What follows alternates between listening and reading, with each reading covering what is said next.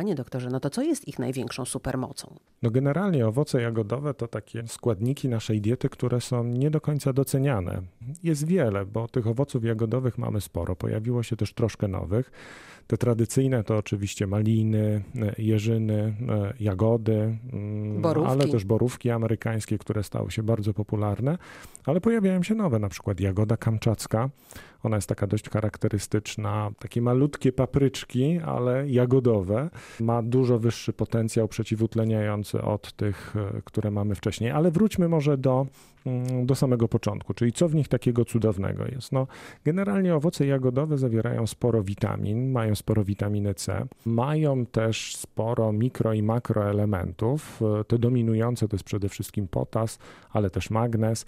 W jagodach występuje sporo rzadko występujących w innych składnikach diety e, mikroelementów, takich jak miedź, cynk, prawda, czy selen. Zawierają też sporo rozpuszczalnego błonnika. To jest w granicach 3, 4, nawet 5, 6%.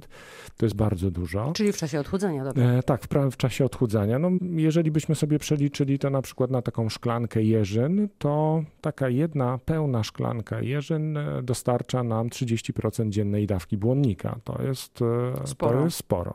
A praktycznie jest to jedna porcja, którą gdzieś tam sobie fundujemy przy okazji na przykład śniadania, do jogurtu. Wolne rodniki. Tak. Proszę wytłumaczyć, co to jest bardzo takie popularne sformułowanie wolne rodniki. O co tu chodzi i dlaczego to jest tak ważne dla naszego organizmu? Jeżeli chodzi o wolne rodniki, ja może cofnę się do samego początku, bo faktycznie wiele osób e, w najróżniejszych e, wystąpieniach, czy radiowych, czy telewizyjnych, posługuje, posługuje się, tym sformułowaniem. się tym sformułowaniem zmiatanie wolnych rodników, mm-hmm. człowiek będzie młodszy e, i tak dalej, i tak dalej. W kontekście prawda? młodości rzeczywiście bardzo, bardzo dużo się mówi o tak. wolnych rodnikach.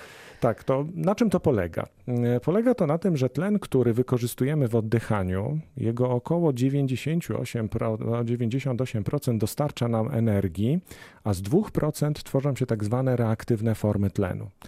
E, to są takie bardzo reaktywne cząsteczki, które mogą atakować białka, mogą atakować DNA, uszkadzając je i to wtedy na pewno nie do końca dobrze nam robi. Oczywiście same reaktywne formy tlenu też są wykorzystywane w procesach metabolicznych, ale to, co pozostaje, organizm musi zneutralizować.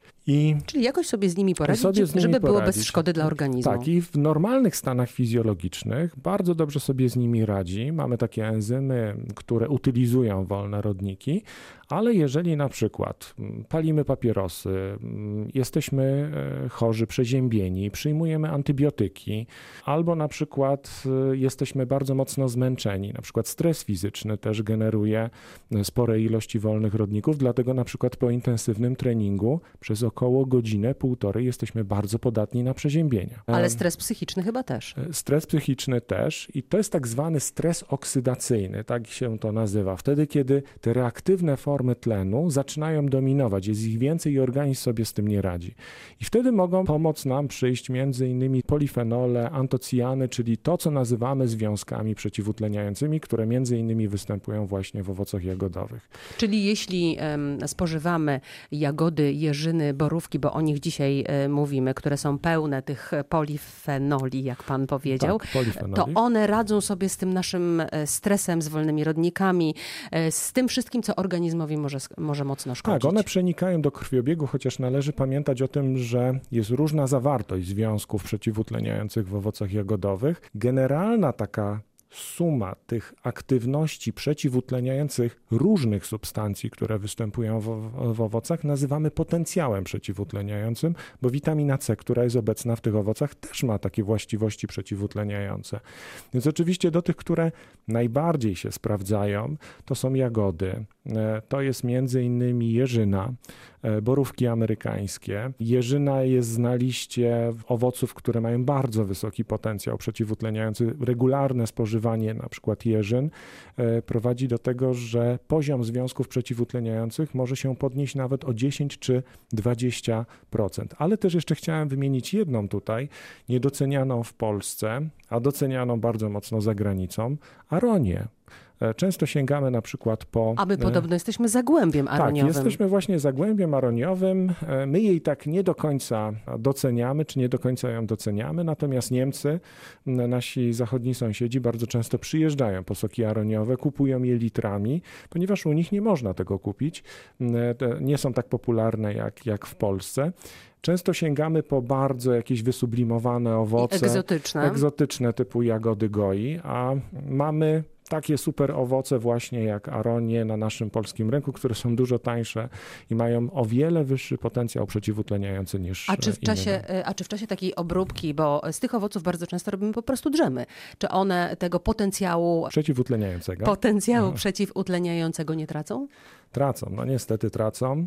Czyli Wszystko drzem zależy... jagodowy to nie to samo, co świeża jagoda. No zdecydowanie, to już, to już e, nie to samo.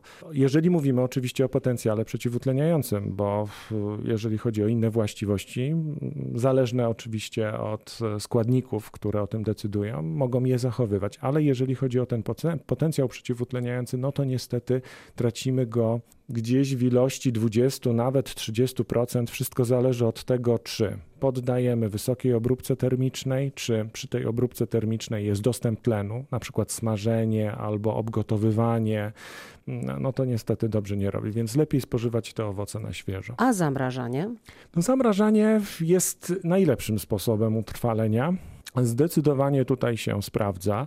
E, należy pamiętać tylko i wyłącznie o jednej zasadzie: zamrażania i rozmrażania, bo to jest dość istotne. Zamrażamy szybko, a rozmrażamy powoli. A powinniśmy je myć? Maliny, jak umyję, to nie wyglądają za dobrze.